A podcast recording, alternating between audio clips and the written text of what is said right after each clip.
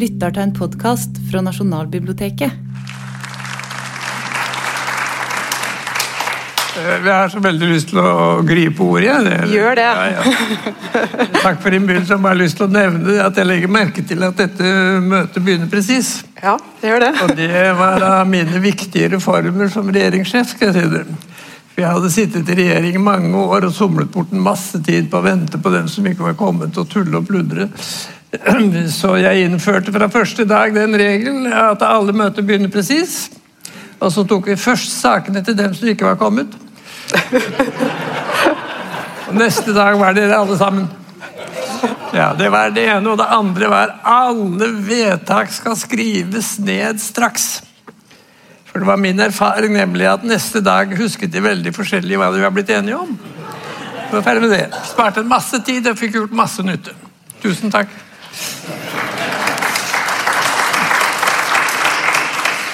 Det er, det er godt å følge tradisjoner, og vi, vi følger din, eh, din punktlighet her etter Ja, beste evne. Akademisk kvarter er dere opphevet, altså. Ja, det har vi. Ja.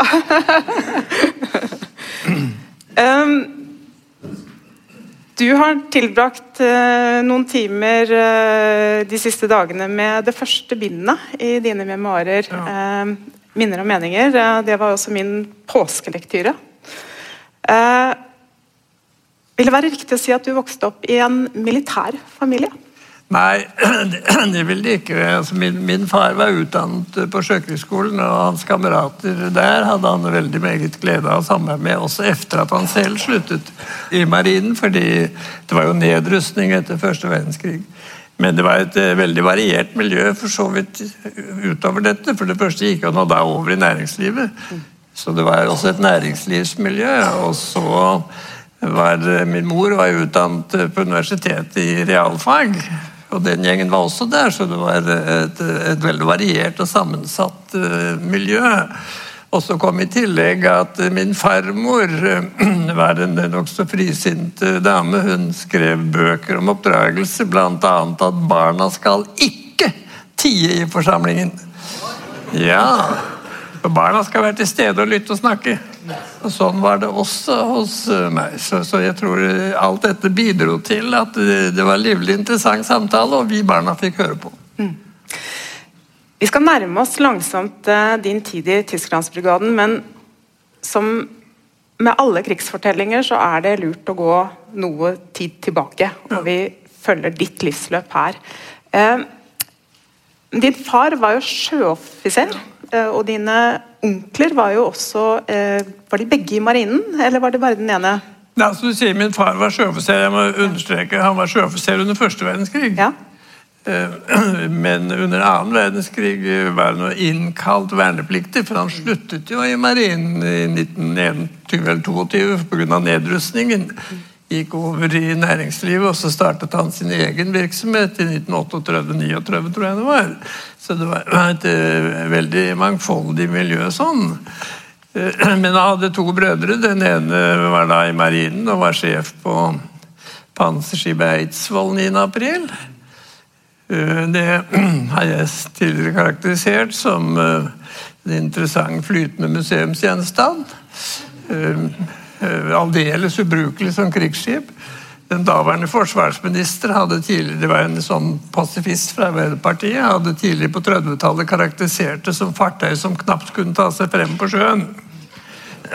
Da så krigen kom, så satte de hundrevis av unge mennesker om bord på den der flytende likkisten og sendte den til Narvik, hvor eh, han da kom i kamp med ti moderne tyske jagere som sendte skipet til himmels og til sjøs på øyeblikket. Null sjanse. Hundrevis av unge mennesker drept ved å sette om bord av, pasifister satt om bord i et forhenværende krigsskip som var bygget eh, før 1905 for å ta seg av svensker. Den andre av min fars bror i Forsvaret var sjef for festningen i Bergen. Han hadde fått forbud mot å bemanne det torpedobatteriet som tilsvarte det som senket krigsskip i, Drøbak. Han hadde fått forbud mot å bruke penger på å reparere piggtrådsperringene. Han hadde fått en tredjedels besetning av uøvde folk som ikke hadde skutt med skarpt før, for de hadde ikke råd til å øve med skarp ammunisjon. Eh, De hadde halvannen minutts ammunisjon til mitraljøsene. Så da tyskerne gikk i land rundt omkring og kom tilbake, så hadde han, de måtte folkene gå fra kanonene for å skyte på dem som kom med de geværene de hadde. Det hele endte med at en tysk soldat kom inn på kontoret hans mens han snakket med den tyske sjefen i telefonen. Da var det ikke mer å gjøre. Tyskerne kom inn. Dagen etter møtte han en venstremann på gaten i Bergen som dypt beklaget over at de hadde gjort sånn dårlig innsats. Og Det var altså Venstre som sammen med Arbeiderpartiet hadde hindret at de fikk noe materiell eller noen ting å skyte med. det hele tatt. Ganske interessant, syns jeg, men, men, de klarte faktisk å skade en tysk krysser så meget at den ble senket av britiske fly dagen etter. Men Dette var interessante opplevelser som sa litt både om historien og med synspunkter på fremtiden. Men kan jeg få legge til her Det blir jo sagt at uh, Norge kunne ikke ha hindret denne invasjonen. Det er etter mitt skjønn helt uriktig. Det skulle ikke veldig meget til å gjøre det umulig for noen få tusen tyske soldater å erobre Norge. Eh, men så lite var man forberedt, og så elendig ble ledelsen at det gikk aldeles gærent. Nå skal jeg spare dere for mitt øvrige lange foredrag om denne sikkerheten, for det er veldig mye å lære av det. Og hvis du spør mer, så skal du få mer lærdom om sikkerhetspolitikk.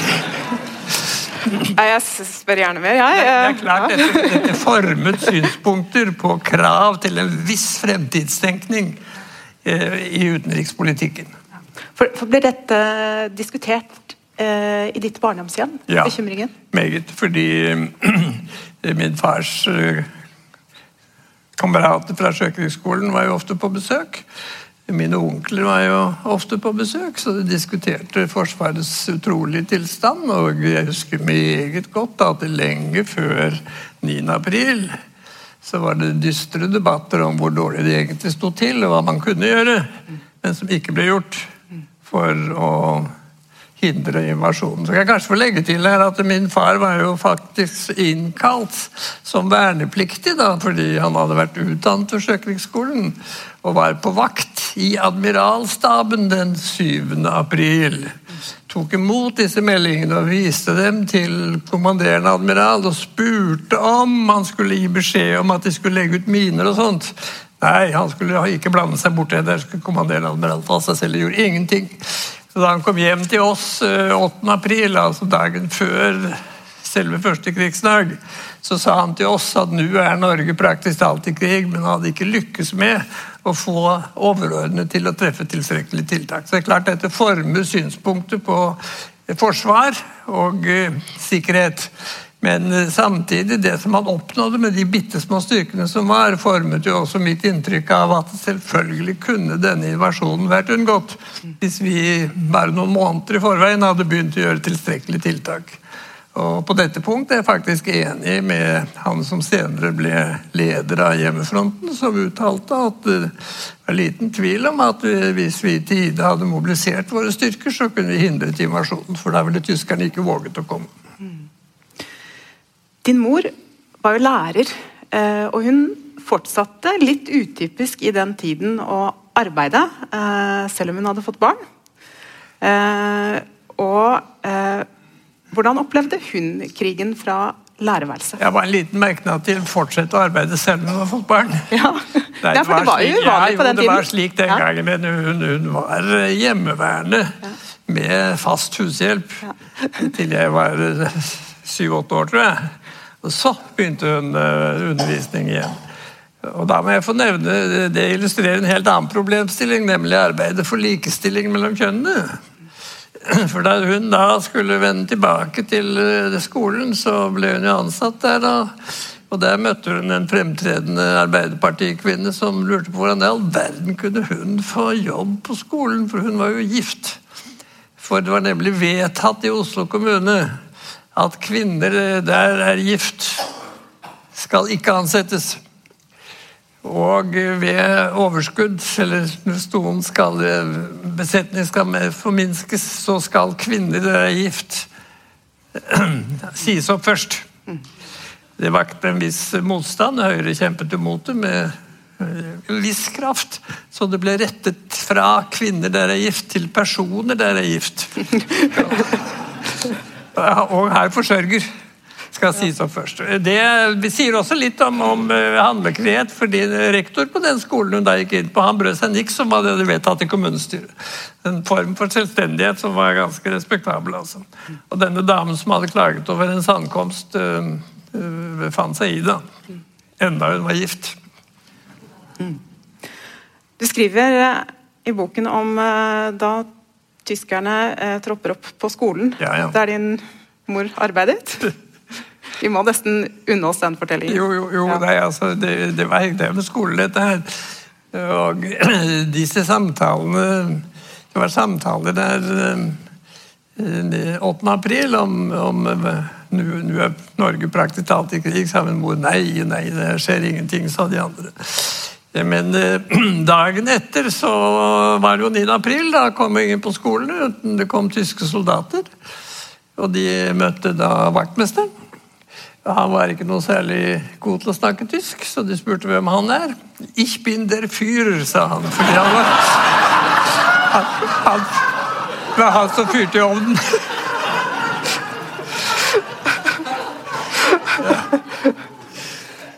Husker, du selv, eh, husker du selv disse dagene? Eh, Ja, jeg, jeg må si jeg husker dem eh, veldig godt. Um, vel, nå skal man være veldig forsiktig med hukommelse. Husk på det, alle sammen, fordi vi må erkjenne at uh, hukommelse er veldig upålidelig verktøy. Man bør skrive ned det som er vedtatt, eller det man tror og husker, fordi det blir veldig ofte forandret. Uh, og jeg har allerede nevnt betydningen av å skrive ned vedtak straks de blir fattet. Men, disse opplevelsene 8. og 9. april, jeg vil si opplevelsene i det hele tatt i krigstiden, de sitter nok veldig fast. Og Dessuten så har jeg jo konstatert ved studier siden da, at jeg husker stemmer ganske godt. Og Der har jeg bare lyst til å hoppe litt videre enn du har spurt meg, for jeg er vant til å ta det ikke så nøye med sånn møteledelse. og sånn. Det bildet som er skapt av den norske motstandskampen under krigen, er ikke helt korrekt, for å si det veldig forsiktig. En imponerende motstandskamp i senere år, men nå kommer jeg litt til eh, det første året. For jeg har sett at eh, enkelte foreninger og, noen har kritisert sønder og sammen noen enkle mennesker som hadde forbindelse med tyskere, f.eks. sommeren 1940. Vi skal være klare over at eh, allerede tidlig på sommeren 1940, altså etter at eh, regjeringen hadde kapitulert og reist til England, så var det et flertall av stortingsrepresentanter som var villig til å gå med på en forhandlingsløsning med tyskerne som gikk ut på at regjeringen Nygaardsvold skulle avsettes. Kongen skulle fratre. Fullmakten, Elverum-fullmakten til den norske regjeringen skulle oppheves. At man skulle danne et riksråd som skulle styre sammen med tyskerne for å få gode forhold i det okkuperte Norge. Om dette vil jeg bemerke fra to sider. Det ene var jo at det var jo Jeg skal ikke bruke det rette uttrykket, men det var jo en pinlig ødeleggelse av motstandsevnen. Minnet litt om Danmark, hvor den eneste form for effektiv motstandskraft var at kongen tok seg en ridetur i byen av hver dag. For øvrig samarbeid til livlig med tyskerne. Det var et. Det, det var den ene siden av saken. Og det andre viser jo at flertallet av norske stortingsrepresentanter i alle partier unntatt Høyre var så grenseløst naive at hvis de sluttet en avtale, så trodde de at tyskerne ville holde den avtalen. Det var altså både idiotiske andre grunner og grenseløst naivt overfor hva slags motstandere man egentlig sto overfor eh, med dette nazistyrte Tyskland. Men så ble det helt annerledes. Det gjorde det. Men jeg vil slutte å si det, at det at man henger seg opp i enkle menneskers eh, mangelfulle motstand mot tyskere de første tiden, og, og, liksom skjeller dem ut, mens man sparer disse som ville samarbeide med tyskerne, det syns jeg er ganske pinlig. Jeg benytter anledningen til å si at det, hvis jeg skulle få spørsmål om det, at jeg syns den norske behandling av de såkalte tyskertøser er pinlig. Eh, Både menneskelig sett, Fordi når, når politiske ledere kunne samarbeide med tyskere, så var det ikke så rart at noen av dem ble kjærester med tyskere. Det andre var at klart i strid med internasjonale konvensjoner. De egentlige forræderne de skulle virkelig rydde opp med. Det fikk han også gjort i betydelig grad. Bortsett fra, om jeg blir ivrig igjen Hvis du ser på deler av næringslivet, så var det mange der som Hvorfor i all verden var de så ivrige og dyktige til å holde produksjonen på topp? Eller hvis man ser på denne veldig viktige saken hvor man fikk sprengt og hindret transport av tungtvann fra Rjukan til tysk produksjon av atombomber, som man trodde. Heltemodig innsats av drastisk dyktige nordmenn som fikk stoppet dette her. Men hvorfor var det så mange norske som holdt på med den produksjonen? Hvor var generaldirektøren? Han fortsatte etter krigen. Nå har du tatt oss til eh, etterkrigstiden. Og, og, i 1948 så ble du innkalt til førstegangstjeneste. Ja. Den ble avholdt i Tyskland. En del av den, ja. Meste. For de noe yngre publikummerne våre, hva var bakgrunnen for det? Ja, jeg må få si her at uh, jeg, jeg, føler at jeg liksom hadde flaks bestandig. Jeg ble ikke bare sendt til Tysklandsbrigaden, men fordi jeg var student da, og kunne litt tysk, og sånn, så ble jeg satt på et kontor hvor jeg skulle sjefe over tyske medarbeidere. Så, så, så det var Som 20 år gammel? Ja, så det var veldig mye å lære av samtaler med dem. Og dessuten så, så fikk jeg jo anledning til å reise litt rundt og se, da. Og jeg eh, erindret eh, mine foreldres beretninger om, om første verdenskrig og etterkrigstiden osv. Så,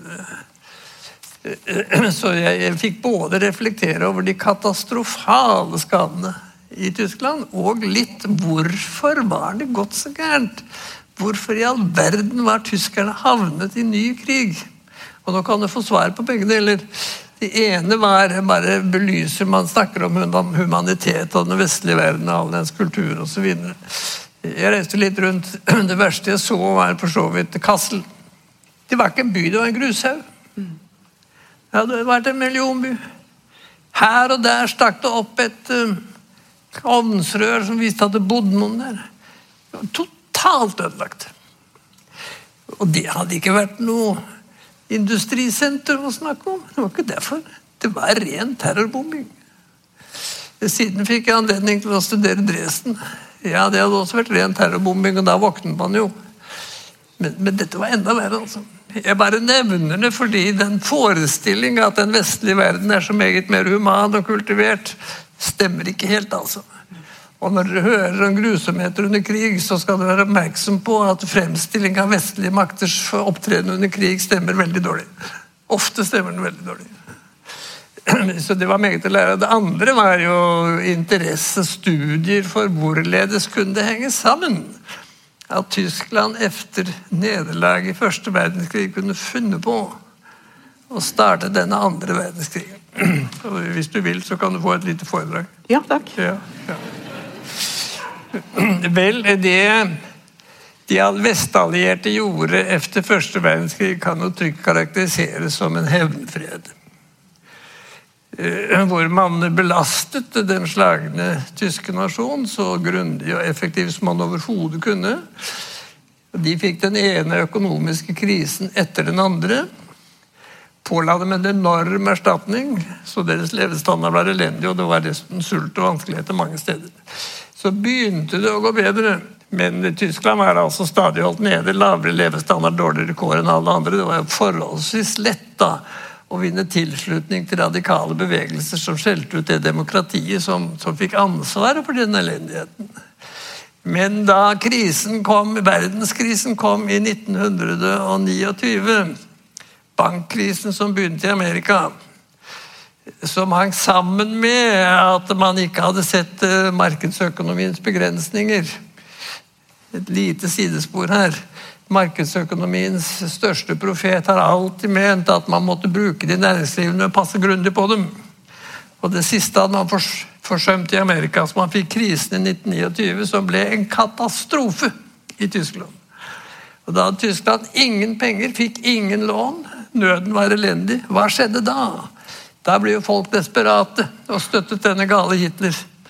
Og så fikk de altså makten øh, ved underlige manøvre. Og så begynte jo verdenskonjunkturen å gå oppover. Slik at Hitler fikk en posisjon fordi han fikk liksom man oppfattet en vrangforestilling at det var disse nazistene som hadde sørget for å få slutten på elendigheten og skape oppgangen. og Sånn måtte jo folk tro det, for de fikk jo ikke høre noe annet. Så denne hevnfreden ble en katastrofe. Og Så behøver vi ikke gå nærmere inn på resten. Men etter annen verdenskrig burde man jo da ha lært dette. Og det interessante var at etter annen verdenskrig ble det ikke sluttet en hevnfred med Tyskland. Jeg var der altså i 48, og det var akkurat da man kan si vendingen kom i retning av at man åpnet for vekst i tysk næringsliv, etablerte et fritt næringsliv. Adenauer, Erhardt osv. fikk startet en økonomisk vekst, slik at tyskerne selv kunne arbeide seg ut av elendigheten etter krigen. Og Det medførte jo at det slagne Tyskland kunne bli en alliert for vestmaktene. Altså Den store klokskap ved å hjelpe de slagne opp igjen, som man gjorde etter annen verdenskrig. Istedenfor å knuse de slagne om igjen og om igjen, som man gjorde etter første verdenskrig. Er det jo veldig mye å lære av. Vel, saken har flere sider som jeg ikke kan gå inn på nå, men, men dette er den ene siden av saken. Den andre siden av saken er som jeg kan komme inn på at jeg skulle ønske man ville huske på dette. At om man nå har vunnet en fordel overfor en annen makt, om man har klart å skyve en annen makt til side, få et slags herredømme over dem, redusere deres posisjon, så skal man begynne å samarbeide og prøve å gjøre dem til sine venner. Ja, hva gjør vi så med Russland? Jeg, jeg eh, skal ikke svare mer nå jeg får nytt spørsmål. Ja, vi skal komme tilbake Nei, til Russland. Men, ja. men, eh, for å ta et annet tilfelle, da. Kina lå jo år etter år nede. Vel, så, så, begynte de og fikk de fabelaktig dyktige. Jeg lærte jo på skolen hvor det var at kineserne har større hjerner enn europeerne. Jeg vet ikke om det er riktig, men de, de er dyktige. De kommer seg opp. Det er opplagt at de blir en stor kommende verdensmakt. Man burde jo sørge for i tide å avslutte alle sine overgrep mot dem. Nei da. Da utnevner man Kina til fiende og starter handelskrig. Altså det, det, er til de grader i brudd med historiens lærdom og hva vi bør gjøre for å unngå nye konflikter. Og som jeg får legge til her når det gjelder forholdet til Kina Kineserne kan nok historie. Så de husker nok de vestlige makters overgrep mot dem i vanskelige tider. Det ser ut for meg som amerikanere ikke kan historie i det hele tatt. Men ikke europeere heller. Jeg tror ikke det er mange her som husker det som kineserne husker. Nemlig at britene gikk til krig mot kineserne fordi de ikke ville tillate fri import av opium. Bare et eksempel. Hvorfor begynner man ikke i tide å bygge opp vennskap? Nei, da man skaper motsetninger osv. Ja, jeg skal ikke utdype det videre, men det er altså nok av oppgaver å ta fatt i for dere unge som skal drive politikken videre. Da du var i Tyskland som, som en del av eh, ja, skal vi kalle det seierherrene. Eh, hvordan opplevde du at dere ble møtt av sivile tyskere? Altså, mitt inntrykk var eh, at uh, tyskerne på den tiden, altså dette var i 1948, høsten 48, de så de vestlige okkupanter som beskyttere mot russerne.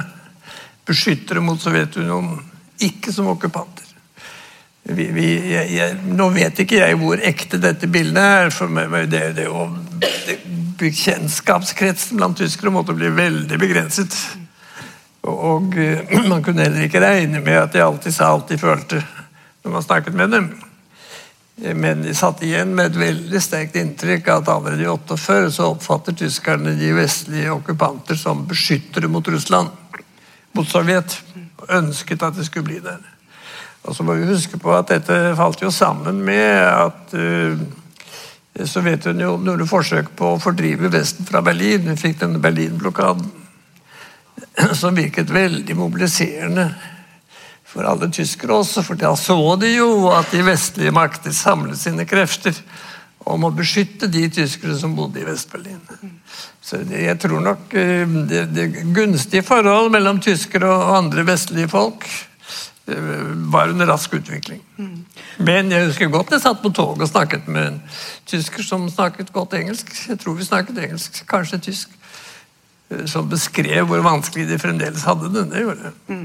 Du har også skildret en liten episode der du i, satt i en buss med noen av dine medsoldater, og når dere passerer en kvinne på gaten, så, så vendte hun ryggen til. Eh, eh, var det hvordan, hvordan, reflekterte du på den tiden om, om, om hva dere representerte? Nei, altså, det, nå, nå, husker ikke jeg nøyaktig hvilken del du sikter til, men jeg husker godt uh, allerede på toget da vi kom med troppetransporten til Hamburg Toget gikk jo litt langsomt den gangen, så, så, så det var litt heiing og roping, men det var fullstendig uinteressert, denne damen som gikk der.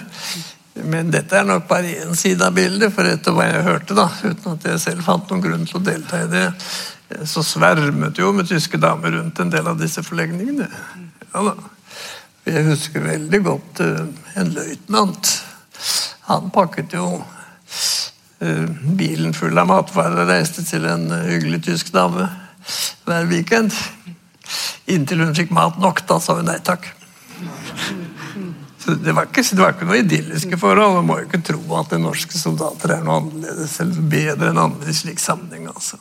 Du har viet et kapittel i Minner og meninger eh, til spørsmålet Har vi forstått historien om 9.4.1940? Du har vært inne på det nå, men, men hvis vi tenker på Norges forsvarsevne Vi har hatt eh, et fregattforlis, det er eh, Vi har uh, ja, en situasjon med, med Nato og en president i USA som har noen synspunkter der.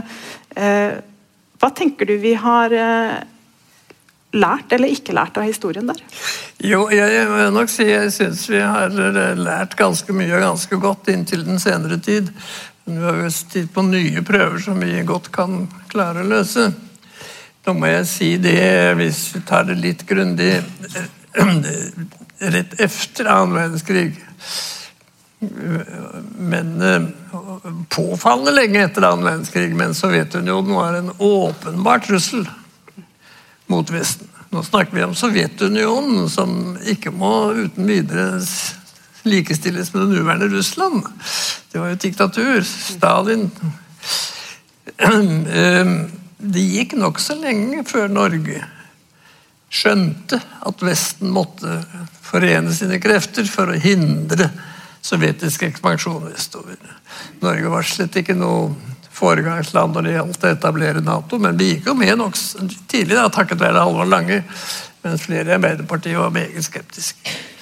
Og Nato fylte jo sine oppgaver veldig bra i veldig mange år. og Det etablerte en balanse mellom øst og vest som, vi beholdt freden nordover.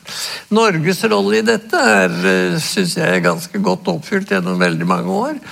Eh, vi må ha et forsvar som gjør det uaktuelt, eller la man si litt overdreven det er ulønns for russerne å prøve å finne på noe.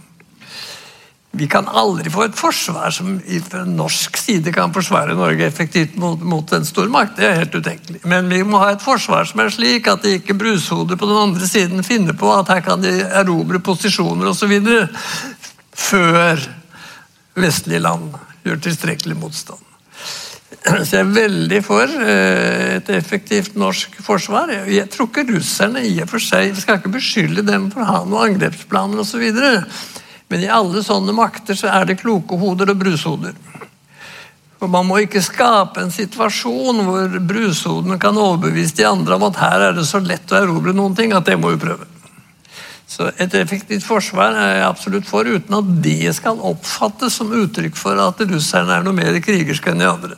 Alle stormakter har i seg denne litt farlige tendensen til å ville styrke sin posisjon og erobre posisjoner osv. Så, så det, det der er jeg veldig for. Men jeg syns nok samtidig Nato må forstå hvordan verden ser ut fra den andre siden. Hvordan verden ser ut fra Russlands side. Så å bygge opp et Nato som russerne med rimelighet kan oppfatte som en slags trussel mot seg, det, det syns jeg er uheldig. altså. Eh, og eh, hvis jeg skulle få lov å utvikle dette litt videre, da eh, Etter den kalde krigens slutt, takket være Gorbatsjov og Reagan og mange andre, veldig resultatrike politikere, så har jo Nato rykket videre og videre, videre inn mot Russlands sentrum. Og så så fant Nato ut at kanskje Ukraina burde være medlem av Nato. Og Det vil altså bety at amerikanske styrker skulle kunne plasseres 450 km fra Moskva. Og det ville bety at Russland ville miste sin eneste flåtebase av betydning i syd. Jeg skal ikke si noe om hva de burde gjøre, men at de kom til å reagere mot det, det ville enhver som hadde studert historie, vite. At de ble forbauset over at Russland reagerte mot det, viser mangel på undervisning i grunnskolen, for å si det sånn. Så jeg syns at eh, å bruke dette som utgangspunkt for en gradvis skjerpelse av motsetningen mellom Russland og Vesten, er uheldig. Og så må jeg si at den vestlige reaksjon mot anneksjon Ja vel. Eh, hva gjør man med krigen i Irak, f.eks.? Ja. Hva gjør man med de norske bombeangrepene i Libya, f.eks.? Hva gjør man for anneksjon av uh, palestinernes land, f.eks.? Ingenting. Hva gjør man med anneksjon av Golanhøyden? Ja, amerikanerne sier det helt fint. Vær så god. Hva gjør man med anneksjon av Krim? Fysj og føy! Så det er ikke noe, er ikke noe lik holdning, altså. Og så kommer jo det det forholdet som de ikke vil høre om. Nemlig at eh, det alt tyder på at uh, på Krim vil flertallet være russere. De var jo russere inntil ganske nylig. Og det er ganske interessant, merkelig det. Aldri vært noe vestlig krav om folkeavstemning på Krim. Nei, for man vet hva det ville føre til. Så jeg syns kanskje Vesten her viser en viss sånn inkonsekvens, for å si det pent. Og det har ført til at jeg er blant dem som mener at uh, For det første, disse sanksjonene mot Russland Ja, det skulle være midlertidig, men jeg hadde aldri tenkt på hvordan det skulle bli kvitt dem igjen. Og hva er virkningen av sanksjonene mot Russland? Ja, det er to. Det ene er at man svekker vekst og levestandard i Russland. Og det er erfaringsmessig virkemiddel til mer radikalisme, ikke mindre. Og det andre er at man driver Russland i armene på Kina. Det er masse motsetninger mellom Kina og, og, og Russland, men nå, nå, blir de drevet sammen liksom, av, av Vesten. Jeg syns ikke det er noe klok politikk. Og hvis man titter bitte litt frem i tiden, 30-50 år, ja, så er det jo ikke Vesten som er den dominerende økonomiske og militære faktor. Det er jo nettopp slike land som Kina osv. Hvorfor driver vi ikke tidlig med å prøve å skaffe oss nye venner istedenfor å skaffe oss fiender. Ja. Det er min grunnholdning til det problemet. Man skal ikke være naiv, men man skal heller også prøve å se hvorledes ser verden ut fra den andre siden. For de andre kan ikke reagere ut fra noe annet enn det de selv tror. Og Da må vi ikke bygge opp under den forestillinga at Vesten liksom holder på å dytte på dem hele tiden. Her går jo liksom både forsvarspolitikken og verdensøkonomien på en måte litt hånd i hånd i det ja. du trekker opp her. Ja. Og i 1963 så ble du handelsminister ja. som 35-åring. For noen uker. Eh, I ja, det var til tre, De sier to uker, jeg tror det var tre. det var regjeringen Lyn du tenker på nå? Ja. Hvordan var balansen og styrkeforholdene i verdensøkonomien da? situasjonen i 60-årene, 70-årene og helt frem til nåtiden, har jo det vi kaller den vestlige verden økonomisk sett vært fullstendig overlegen. Dominerende både teknologisk og økonomisk, bl.a. fordi den vestlige verden jo fikk jo bygget opp et frihandelssystem som i Europa, EU osv. Og, og mye gode handelsavtaler osv. tvers over Atlanterhavet. Eh, men Så kom jo da, kan man si ja, Japan var jo meget tidlig ute, eller meget dyktige. Og så kom jo omveltningene i Kina, hvor de avskaffet det kommunistiske styret i alt annet enn navnet. Denne overgangen førte til at man fikk en dramatisk økonomisk vekst i Kina. Langt sterkere enn man hadde klart i den vestlige verden. Så det er jo like før Kina kan si totaløkonomi er like stor som den amerikanske. Vel, amerikanerne er vel 350 millioner, og kineserne 1300 millioner. Så hvis dette fortsetter, hvis man nærmer seg at Kina får samme produksjon per innbygger som et vestlig land, så blir det jo fullstendig dominerende i verdensøkonomien. Men du må i hvert fall se i øynene den sannsynlige utvikling at neste generasjon vil oppleve at det, det er ikke USA og Vesten, det er makter i Asia som er de største og sterkeste økonomisk og kanskje også militært. Vel, Det behøver ikke bli noen ulykke, men det kan bli en ulykke hvis vi ikke tide arbeider for å få dem til å forstå oss på samme måte som vi bør forstå dem, og bygge opp et samarbeid istedenfor en motsetning. Og hva gjør man med det? Jo, da starter man handelskrig med Kina. Det er jo helt bortreist. Men, men allikevel er det interessant, fordi det er altså en gjentagelse av fortidens feilgrep. Og nå er vi tilbake igjen i si, i mellomkrigstiden. Ja. Det ser ut til at vi er utstyrt med en fabelaktig trang til å gjenta fortidens feilgrep. Det er jo på mange måter en sånn proteksjonistisk bølge som, ja. som, som skyller over ja. uh, denne delen av uh, verdenspolitikken i dag. Ja. Men uh, hvilke veier ser du ut av dette? Altså, vi, vi, vi er, gitt, gitt er, de politiske lederne vi har? Nei, og, du kan si Vi er altså inne i en bølge hvor, hvor det vi kaller proteksjonismen er på vei opp igjen. Det vil si, skal man si det litt enklere, men ikke så veldig overdrevet. Man vil nå i høyere grad beskytte seg selv mot konkurranse fra utlandet. Men man vil ikke finne seg at utlandet beskytter seg mot konkurranse fra oss.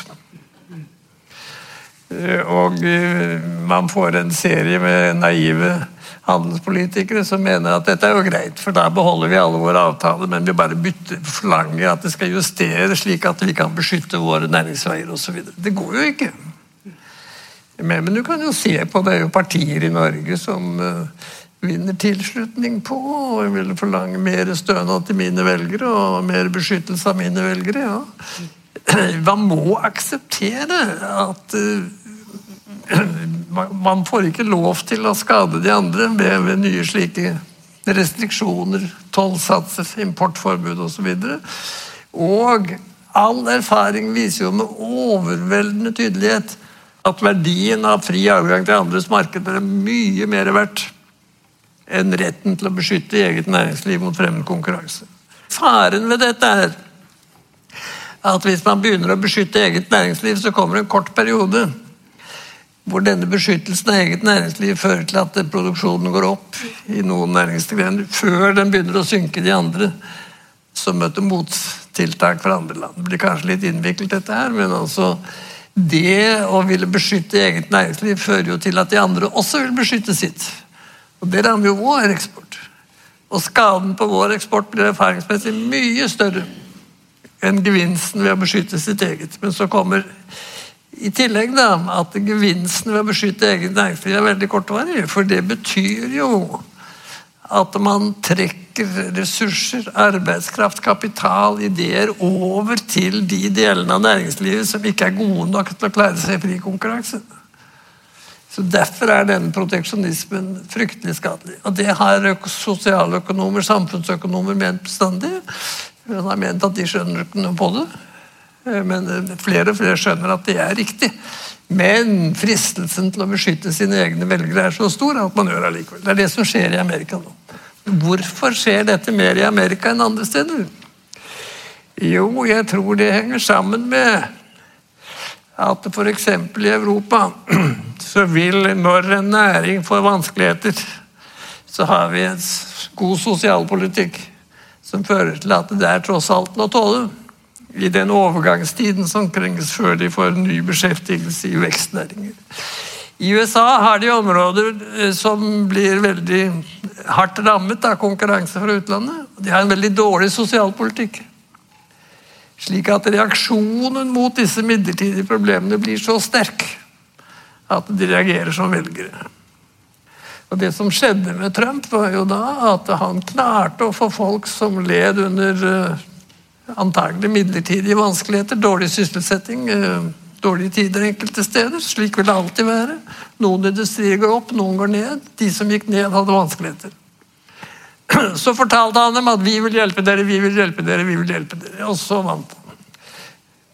Han fikk disse stemmene. Da må jeg si, jeg må legge til en ting, da. Veldig få som husker at Trump fikk jo to-tre millioner færre stemmer enn de andre. Så det hadde med valgsystemet å gjøre også. Og så oppdager de ikke, da, jeg vet ikke hvorfor, at de løftene han ga om å hjelpe de fattige, de er gjort om til løfter om å hjelpe de rike. Så det, det. Jeg skal ikke si mer om Trump, for det passer seg ikke i en dannet forsamling. Men eh, nå skildrer du jo eh, denne proteksjonismen i andre deler av verden, men vi ser og erfarer jo dette nå i dag også innad i Europa, ja. med, med britenes brexit. Hvordan påvirker det den økonomiske balansen? i, ja, det, Brexit er jo et veldig interessant fenomen. Kan jeg få ta en, et lite sidespor først? Selvfølgelig. Bruk av folkeavstemning. Man erkjenner vanligvis at politiske beslutninger ofte trenger grundige studier og innviklede analyser. Og Derfor innførte allerede grekerne den regel at man skulle velge representanter som skulle ha tid til å sette seg inn i sakene og avgjøre dem. Hva gjorde man i brexit? Jo, man ga velgerne rett til å bestemme en sak som slett ikke var utredet. Uhyre komplisert å få oversikt over. Og man fikk da lettvint eh, flertall for en utmeldelse som eh, man mente skulle da bevare fordelene og hindre ulempene. Ja. Folkeavstemning kan være bra når man skjønner hva man snakker om. Men, men, men å bruke folkeavstemning før folk har fått tid til å sette seg inn i en sak, er altså oppskrift på skadeverk. Og det er det som skjedde der borte. Det er det ene. Det andre er at jeg tror nok britene det var ikke så mye økonomien direkte som, som det frie arbeidsmarkedet. Følelsen av at de mistet sine arbeidsplasser pga. innvandring. Ja. Det var antagelig ikke helt riktig, men det var, var, slik at mange nok reagerte. Og så stemte de altså for brexit. Uten å ane hvordan de skulle løse problemet, og så har man sett det som uh, siden melder seg. Jeg har lyst til å legge til en, en bemerkning om den britiske statsminister, for hun blir jo skjelt huden fullt for sin udyktighet. Om det vil jeg si at man skjeller henne huden full fordi hun ikke løser en uløselig oppgave. Ja. Det er ikke mulig å finne en ordning som er slik at de som vil ut av EU, blir fornøyd. Og det begynner etter hvert å oppdage. Altså. Hvordan tror du dette vil påvirke den unge generasjonen i Europa? Ja, det, det er en uhyre vanskelig spådom, men, men uh, nå ser det jo ut til det ser jo ut til at resten av EU klarer å unngå utmeldelser. Så virkningen i EU, som også vil bli skadelig, jo langt mindre konsentrert enn skadevirkningen i Storbritannia. Så det er jo godt håp om at virkningene i Europa ikke behøver bli tilsvarende sosialt skadelige. Men Europa har skaffet seg et annet problem. Som det særlig middelhavsområdet har lidd veldig meget under. Nemlig denne felles valutaen som heter euro. Eh, som eh, etter mitt skjønn ble en svært diger ulykke. Hvorfor det? Jo, fordi skal man ha felles valuta, så må man også ha samme nivå på pris- og kostnadsstigningen i alle landene. Men å bilde seg inn at det skulle være mulig å få italienere, spanjoler og grekere til å være lite behersket med sine økonomiske utgifter og hindre inflasjon like godt som tysker og franskmenn og svensker og sånn. Helt bortreist. Så Der fikk man altså en situasjon med en felles valuta, hvor kostnadsstigningen i Spania, Italia, Grekenland fortsatte, slik at de ble fullstendig utkonkurrert. Mens de landene som klarte å hindre inflasjonen, de vant konkurranseevne og går fremover. Tyskland osv. Så sånn felles valuta går ikke. Med mindre man klarer å få felles økonomisk politikk for øvrig, og det fikk man jo ikke. Felles valuta ble i det vesentlige vedtatt um, av Mitterrand og Kohl. Det høres litt flott ut, men jeg har litt kjennskap til begge. Gode politikere og dårlige økonomer. Derfor gikk det som det gikk. Um, I samtalene forut for vår eh, samtale her på scenen, så har du løftet frem at eh, temaet barn er ja. viktig for ja. deg å ha med. Vi har snakket ja. mye om historien, vi har snakket en del om nåtiden. Eh, og da begynner vi å peke litt fremover mot fremtiden. Ja. Vel, eh, for ikke å bli misforstått, så tar jeg med en gang korreksjoner av en mulig feiloppfatning. Jeg har aldri argumentert for at man nødvendigvis bør opprettholde befolkningen kan meget tale for at verdens befolkning nå er blitt så stor at det gjør ingenting om den går litt nedover.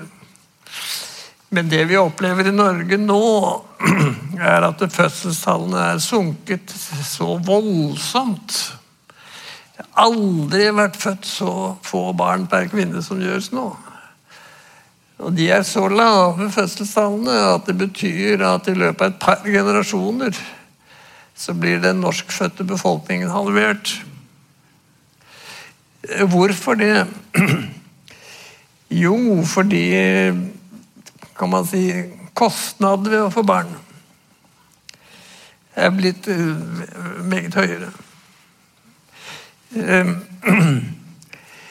vi gjennomførte en masse tiltak til beste for barn, men roten ligger et godt stykke tilbake. Før i gamle dager så fikk barnefamilier de fikk lavere skatt enn andre. Det var rimelig, for de hadde jo dårligere mindre inntekt per innbygger, lavere skatt. Det ble opphevet, man innførte barnetrygden isteden.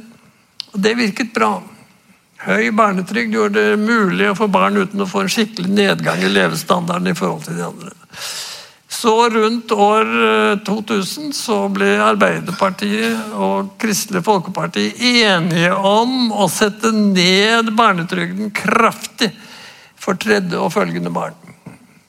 For de trodde visst at barnetrygden kom i tillegg til disse skattefordelene som var opphevet for lenge siden. Jeg tillater meg å tro at de ikke hadde hatt fullstendig oversikt over hva de drev med. Kristelig Folkeparti gikk med på denne nedsettelsen fordi de samtidig fikk hevet aldersgrensen for barnetrygd til 16-18 år. Men barnetrygden for første og annet barn ble holdt uh, uforandret, men for tredje barn ble den satt kraftig ned. I kronebeløp. Så det dere hører om at man har ikke revidert barnetrygden siden tidlig på 1990-tallet, det er ikke sant. Man har revidert den nedover. Og så er det holdt stabilt. Og Det fører til at hvis man ser på stand, så er det altså det å få barn nummer tre er blitt mye dyrere i forhold til hva naboene gjør, enn det var før. Og Dette har da åpenbart ført til at uh, det, mens trebarnsfamilier var det helt normale da vi var unge, så er det nå tobarnsfamiliene. Og, og, mindre. Men husk på det. Uh, mange får av naturlige grunner null. Mange får ett barn. Mange får to barn. Ja vel. Hva blir gjennomsnittet, da? Det blir sånn, Nå er det sunket ned til 1,50. Reproduksjon krever 2,1 barn per kvinne i fødedyktig alder. Langt under reproduksjon. Hva gjør man med det? Ja, veldig lite. Veldig lite. Eh, vel, eh, han har begynt å sette opp barnetrygden under protester fra venstresiden. Ja, SV for, for høyere barnetrygd. Eh, Mitt svar eh, jeg det er mange, mange flere årsaker til lavere barnetall. Masse årsaker som vi ikke vil gjøre noen ting med, for det er utmerkede ting. Utdannelse, yrkesaktivitet osv. Men den ene tingen vi virkelig kan gjøre noe med, det er å styrke barnefamiliens økonomi i forhold til de andre. Nå viser det seg det at eh, politikere klarer ikke begrepet trygd uten å ville spare på den. Derfor så tror jeg man er nødt til å gjeninnføre fradrag i skatten for dem som får barn. Og så får man isteden supplere den med kontante tilskudd til den som har så lav inntekt at det ikke er noe skatt å trekke i. Hvis man gjør dette med skikkelig kraft, så kan vi unngå den ulykken det vil være. Men hvis man ikke gjør noe med det, så vil dere altså oppleve vi vil sitte i himmelen og se på det, at vi får en katastrofal ubalanse mellom yngre arbeidskraft og gamle som skal bli forsørget. Vi gamle vil nok kreve vårt, så ja, det blir etter at vi er reist til himmelen. Men det, dette er ganske alvorlig, altså. Og så ser jeg det ser ut til at en rekke, rekke politikere vil ikke forstå hva det handler om. Og de vil ikke se i øynene at de har svekket eh, flere barnefamiliers økonomi i forhold til de andre. Da er det selvfølgelig slik at også mange barnefamilier har mye bedre råd enn eh, tilsvarende familier hadde for 20-30-40 år siden. Ja vel, men de ser at de får dårligere råd i forhold til alle de andre. Og det medvirker til at de ikke får så mange barn som vi fikk i gamle dager. Ja. Men er det også noe med altså, Her er det jo en del strukturelle ting politisk, Ja, men er det også noe med, med en kulturell utvikling hos Ja, men oss? det er, det er, det er, Unnskyld. Økonomer er de, de, de vet bedre enn de fleste at økonomi er bare en bitte liten del av det. Men det er ikke noen avgrunn mellom den kulturelle utviklingen og de økonomiske forholdene. Det jeg sier bare at De økonomiske forholdene må legges slik til rette at de andre faktorene får lov til å virke. Jeg tror eh, Gleden med å ha flere barn den, den er veldig universell. Men veldig mange oppdager at det har de ikke råd til. Og den ene faktoren kan man gjøre noe med. Ja, så gjør det, da. Jeg har aldri sagt at man bør gjenreise det slik at folketallet fortsetter å stige langt ifra. Men man gjør noe med det slik at man ikke får denne kritiske mangelen på yngre arbeidskraft. Nå ser jeg noen vil sette ned arbeidstiden ytterligere, da. Ja vel. Det, det betyr jo at vi skal sitte i himmelen og se på at eh, om en 50 års tid da, så arbeider 100% i sykehjem og sykehusene og sånn. Hva de for øvrig skal lete av, vet ikke. For det blir så lite arbeidskraft. Og så mange å ta vare på. Vi skal nærme oss vårt eh, korte avslutningstema, som eh, er eh, en sak du har vært opptatt av og skrevet om i mange år, og som eh, særlig unge mennesker i dag er blitt brennende opptatt av, nemlig klima. Ja. Veldig, veldig viktig. Først om problemstillingen. Det er jo noen som tror at eh, menneskene ikke påvirker klimaet. Nå, bevise det kan man jo ikke. Men jeg, jeg, jeg fant på noe lurt jeg spurte Tegner du brannforsikring på huset ditt? Ja, det gjør det. Tror du huset ditt vil brenne? Nei da, det gjør det ikke. Jeg er veldig forsikret deg mot dette her, men hvis du nå tror du det er mulig at menneskene påvirker klimaet? Ja, det er mulig, er det. Ja, men hvorfor tegner du ikke forsikring, da? Forsikring er jo den politikken som gjør at vi slipper disse utslippene av eh, klimapåvirkende gasser. Hvordan i all verden skal du få til det? Ja, man kan finne på en masse geniale løsninger med Tesla og gud vet hva alt sammen, og kjøre rundt. Ja, det, finne på det ene og finne på noe. Det, det som bladet Economy skrev, så, så veldig greit Det er ett virkemiddel som virkelig får alt det andre til å virke også. Gjør det dyrt å forurense, nye avgifter osv., og, så og gi alle pengene tilbake i form av skattelettelser. Det vil føre til at folk for det første velger mer av det som forurenser mindre. Og du vil se en imponerende forskning for å produsere med mindre forurensning. En imponerende vekst i forskning osv. som viser oss veien. Så det, det, Hovedløsningen det er ikke den eneste middelet, men det virkelig effektive middelet som man må satse på, det er å gjøre det dyrt å forurense. Ja. Hva er svaret på det? Jo, det er krav om billigere bensin. Ja. Senterpartiet går inn for bedre klimapolitikk og billigere bensin. Det er ikke lett å drive politikk og få dette her, men, men dette er vi er nødt til å se i øynene. og Skal vi få dette til, så er vi nødt til å gjøre det dyrere å forurense og gi alle pengene igjen i form av skattelettelser. Levestandarden vil ikke gå ned, men den vil bli annerledes. Er det noe du har lyst til å legge til helt til slutt? Ja, det tror jeg sikkert, men jeg kommer ikke på det. Jeg kommer ikke på det i farten. Jo, jeg har lyst til å legge til tusen takk for dine gode spørsmål og en hyggelig forsamling.